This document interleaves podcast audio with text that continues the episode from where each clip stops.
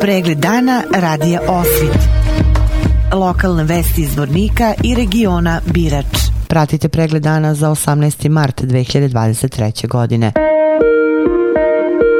Policijska uprava Zvornik organizovala je redovnu konferenciju za medije na kojoj su prezentovani podaci rada za februar ove godine. Kako je saopštio načelnik odolenja za organizovani kriminalitet Miljen Bobar, u februaru mesecu evidentirana je 71 krivično delo, zbog čega je nadležnim tužilaštvima podneto 60 izveštaja o počinjenim krivičnim delima protiv 70 lica. Materijalna šteta pričinjena ovim krivičnim delima iznosila 47.328 konvertibilnih maraka. Od ukupnog broja krivičnih dela, 60 krivičnih dela bilo iz oblasti opšte kriminaliteta, 4 iz oblasti zloupotrebe opojnih droga i 6 krivičnih dela iz oblasti privrednog kriminaliteta, kao jedno krivično delo iz oblasti javnog saobraćaja. Načelnik sektora policije Dražan Erkić rekao je da je u februaru evidentirano 46 saobraćenih nezgoda, što je više za 15 saobraćenih nezgoda u odnosu na isti period prošle godine. Od ukupno 46 saobraćenih nezgoda, 8 je bilo sa povređenim licima, od kojih jedna sa teško i 7 sa lakše povređenim licima, dok je 38 saobraćenih nezgoda bilo sa materijalnom štetom. Policija u februaru na putevima koje pokriva policijska uprava Zvornik kontrolisala 713 vozača i vozila i izdala 826 prekrašenih naloga. I saobraćaj je isključeno 13 vozila i 72 vozača, od kojih je 61 vozač isključen zbog vožnje pod uticajem alkohola. Zamenik načelnika policijske uprave Zvornik Vladan Vasilić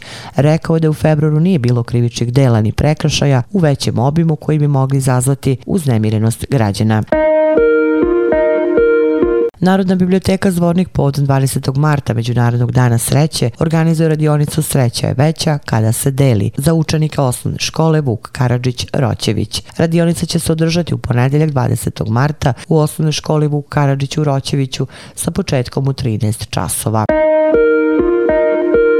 Treći dan otvorenih vrata za preduzetnike i privrednike sa područja grada Zvornika biće održan u petak 24. marta u 12 časova u maloj sali gradske uprave grada Zvornika. Dan otvorenih vrata je ustanovljen sa ciljem unapređenja poslovnog ambijenta i poboljšanja komunikacije lokalne uprave sa preduzetnicima, te povećanje kvaliteta usluga koje gradska uprava pruža privrednim subjektima. Pozivaju se preduzetnici koji su zainteresovani za učešće u danu otvorenih vrata da podnesu prijavu na obrazcu koji se može preuzeti raditi u gradskoj upravi Zvornik. Od 20. do 22. marta izvodit će se radovi na izmeštanju 10 kV dalekovoda ADA i Fetija, te će bez napajanja ostati više trafostanica na području grada. ADA, sami izbor, robna kuća, sportski centar, Zmajevac, Telekom, Z15, Z16, priobalni put, 3 česme, zvornik 5 sud, Hrid, Bajir, zvornik 4, Fetija, Divić 1, Divić 2, Srpska varoš 1 i Srpska varoš 2. Radovi će se u ponedeljak i utorak izvoditi od 8 do 12 časova, a u sredu od 12 do 14 časova. Vesti iz Loznice. Đorđe Milićević, ministar bez portfelja u vladi Srbije zadužen za dijasporu, obišao je pacijente iz dijaspore koji se leče u specijalnoj bolnici za rehabilitaciju Banja Koviljača i razgovarao sa rukovodstvom ove ustanove u vezi sa unapređenjem postojeće saradnje sa našom dijasporom. Opširnije na sajtu lozničkenovosti.com. Pratili ste pregled dana za 18. mart 2023. godine. Hvala na pažnje.